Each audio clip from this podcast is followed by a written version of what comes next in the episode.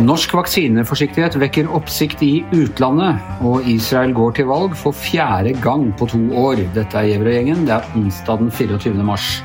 Og det er også verdensdagen for eh, tuberkulose.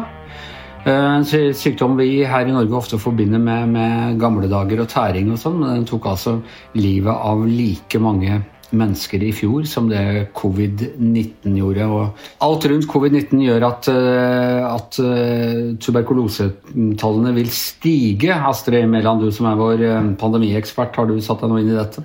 Nei, men det jeg har skjønt etter det året her, er hvor utrolig vanskelig det er å få vaksinert hele verden. Selv om vi har gode vaksiner og gode medisiner, så har vi fortsatt polio, f.eks. Så det er litt frustrerende. Vi hadde altså, Både Per Olav og jeg går ut fra ble vaksinert vaksinert med BCG-vaksinen eh, på barneskolen, ble, men den slutta man med på et eller annet tidspunkt. Du har kanskje sluppet unna den, Astrid? Nei da, jeg har den. Det var nemlig en, en, en standardgreie på Ås barne- og ungdomsskole. Ikke slå meg på BCG-en, fordi du var litt sånn øm i den armen en stund etterpå at du hadde fått BCG-vaksinen. Til gjengjeld så slapp du altså tuberkulose.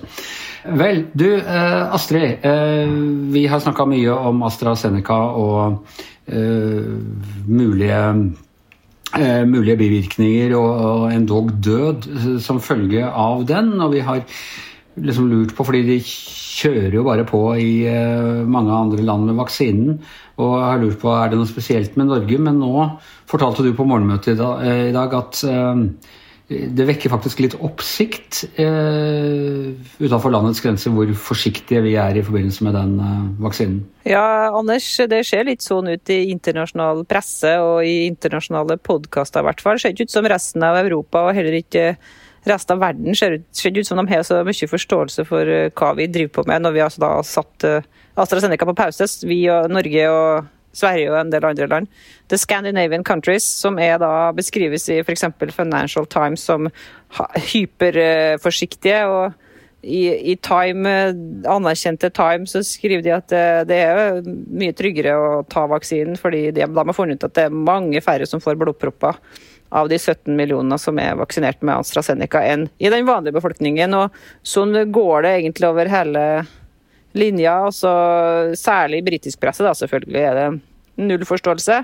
Man viser til at uh, hvis det er noe risiko i det hele tatt, så er den så enormt lav at det er liksom sjanse for én på en million, da, eller noe, eller noe der omkring. Og til og med i Australia så driver de og snakker om hvor utrolig forsiktige vi er, og har ingen forståelse for uh, hvorfor i all verden vi har satt på vent en sånn uh, vaksine. Men eh, det er jo ikke én til en million i, i Norge, altså av de som har tatt vaksinen og fått alvorlige bivirkninger og, og til og med dødd av det, så er jo det er jo ikke en million som har fått vaksinen her, og vi har hatt flere dødsfall. Nei, Det er et godt poeng, Anders. Jeg tror det er en sammenblanding som foregår her. Det er snakk om blodpropper, vanlige blodpropper, i mange av ja, i Time f.eks.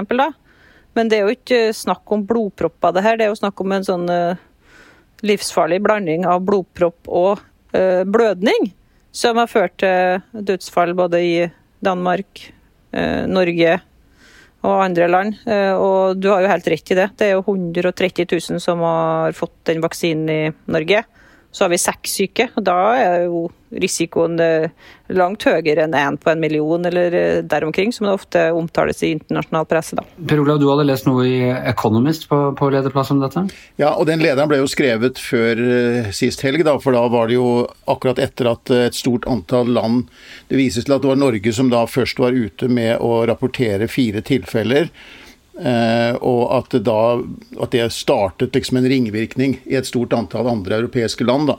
Men deres uh, leder har, er under tittelen 'Another shot in the foot', som altså er at man en, en ny, en, et feil grep da, i Europas håndtering av dette. At vi har skutt oss selv i foten, rett og slett? Ja, ved at de mener at, det er, at europeiske land har, er overdrevent forsiktige, og at det i seg selv vil da føre til at liv går tapt. Er det, altså, Astrid, er det en generell eh, greie her i Norge? Vi aksepterer ikke Altså, all vaksine, medisin, alle grep man, medisinske grep man tar, har Eh, kostnader på, på, den ene eller andre måten. Og at vi i dette trygghetssøkende skandinaviske samfunnet ikke er villige til å akseptere det eh, i det hele tatt. Vi skal liksom bare ha 100% effekt av alle ting, eller så, uh, så, blir vi hysteriske. Ja, nå får vi jo se hva Legemiddelverket og FHI i Norge bestemmer seg for. Det, det kommer på fredag. om de bestemmer seg for å gå videre med AstraZeneca, eller om de bestemmer seg for å skrote den. men jeg tror jo det at det gjør inntrykk på, på både den norske befolkninga men òg på, på, eksperter, når det er såpass mange som har blitt eh, syke av såpass få vaksinerte, tross alt. Det er noen helt andre tall enn en Storbritannia, som sier at eh, de ikke har fått uh, funnet noen syke. Så det spørs om de ikke har leta godt nok, da, eller om vi har bedre helseregister osv. Um, du har jo helt rett i det at det, det, vi aksepterer risiko med Ibux, e som Steinar Madsen i Legemiddelverket har snakka om uh, denne uka her. Vi det er jo risiko med all eh, medisin, da, men når det begynner å bli så høy, så kan det jo være en grunn for å stoppe det. Og så er det noe med at det er friske folk det her da, som er unge relativt sett. og De ville jo ikke ha fått noe problem antageligvis med covid-19. og da, Når det er tre personer i Norge under 40 år som er døde av covid-19, hvis jeg husker statistikken riktig nå, så er det jo begynner å bli uh, dårlige tall da, når, når, det er to som er døde av vaksinen og seks som er alvorlig syke av den? Ja, um, jeg tenker på at Vi snakker av og til om vaksinenasjonalisme, men det er jo også en form for vaksinenasjonalisme når det gjelder hvor disse vaksinene produseres, og man på en måte forsvarer sine egne produkter. Jeg syns britene er veldig opptatt av å forsvare den den som er utviklet bl.a. i Oxford. ikke sant? Og eh, På samme måte så ser man at russerne er jo veldig med å på en måte selge inn sin Sputnik-vaksine.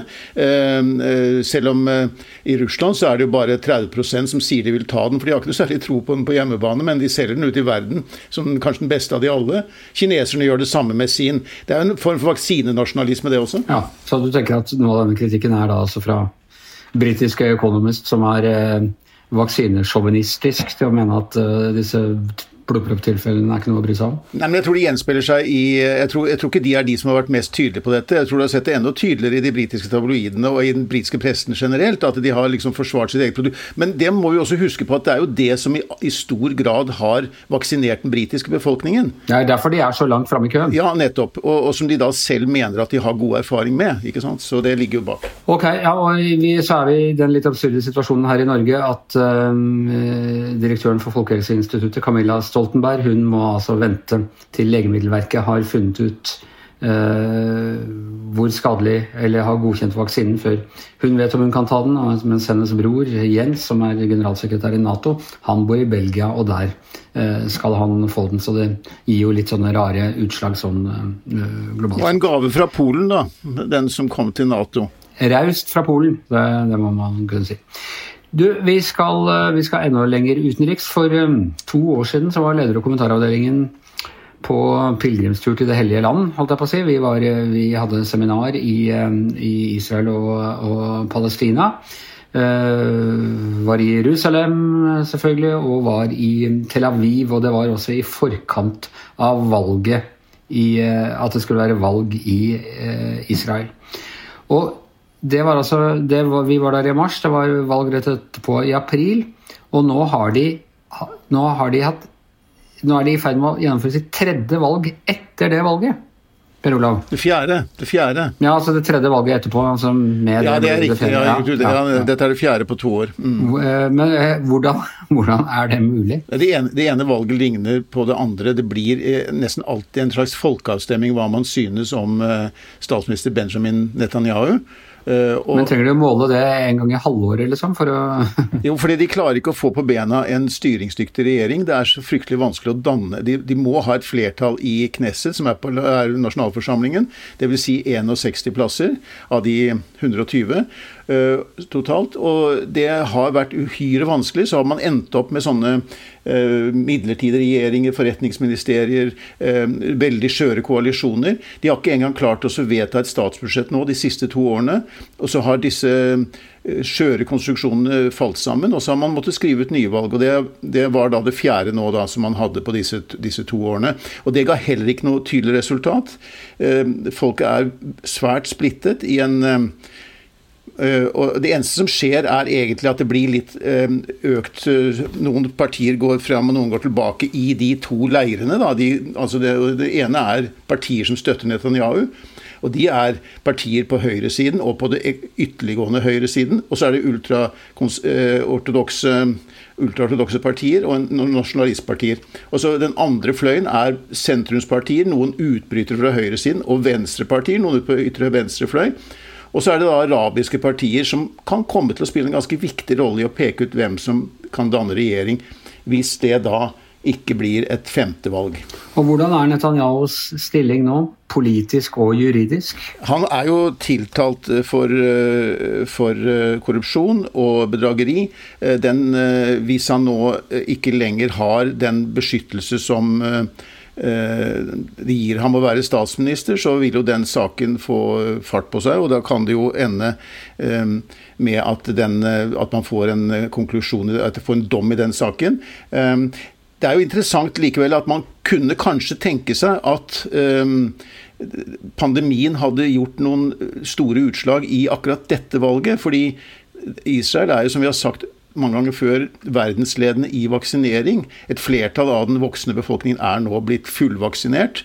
Um, men han, det har ikke gitt ham noen økt oppslutning i dette valget. Han får den samme, omtrent den samme oppslutningen hans parti, som han har fått i de siste valgene. Eh, og det er fordi at håndteringen av pandemien i Israel Ja, vaksineringen har vært svært vellykket, men det har vært mange andre sider av pandemien som har krevd eh, over 6000 liv i Israel, eh, på en befolkning som er noe større enn vår. Det er ikke, det er ikke noe udelt positivt bilde israelerne har av det heller. Så her har de fordelt seg sånn som de gjorde før, for og mot Netanyahu. Har valgsystemet eller sammensetningen i Knesset eller Grunnloven eller et eller annet sånn gjort det sånn at det israelske politiske systemet i realiteten er i ferd med å bli dysfunksjonelt? Ja, og det er noen som tenker at det er noe med selve valgsystemet. For det er jo slik at hele landet er én valgkrets. Og så er det en sperregrense på 3,25 Eh, hvis du kommer opp i det, så får du eh, minst fire representanter i Knesset. Eh, det er ikke sånn som valgsystemet er, så er det ingen fordel for de store partiene. Men de små kan få forholdsmessig stor betydning. Og Det, alltid, det er alltid derfor spennende i israelske valg om man komme, om, om man klarer å komme over denne sperregrensen på 3,25 eller ikke. Um, det som er alternativet til eh, Netanyahu i dag, er jo en sentrumspolitiker, en sånn TV eh, Veldig kjent fra TV, Jair Lapid heter han, som, som leder en slags sånn sentrumsparti.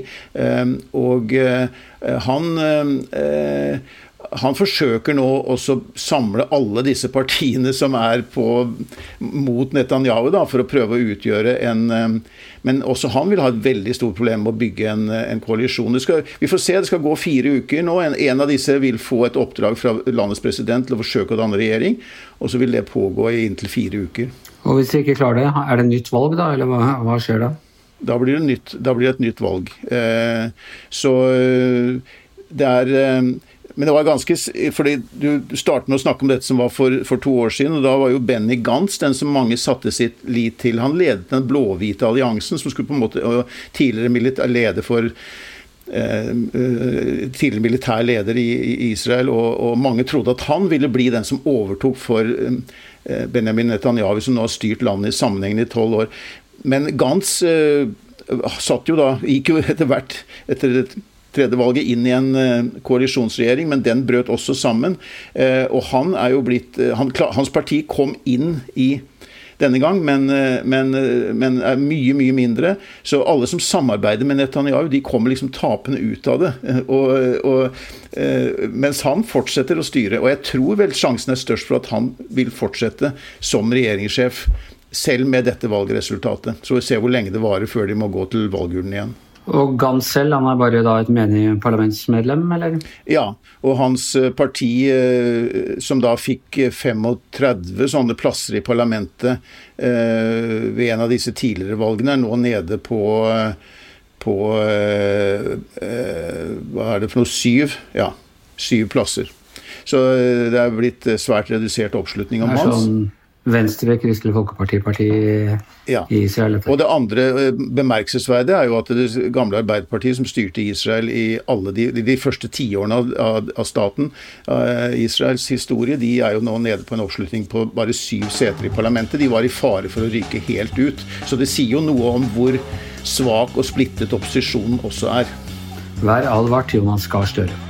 Og med det så er eh, Gjever-gjengen over for i dag. I hvert sitt hjemmestudio Per Olav Ødegaard, eh, Astrid Mæland, jeg heter Anders Giæver, og mannen som gjenvelges ikke bare to ganger i året, men hver eneste uke til å være produsent for denne podkasten, heter Magne Antonsen.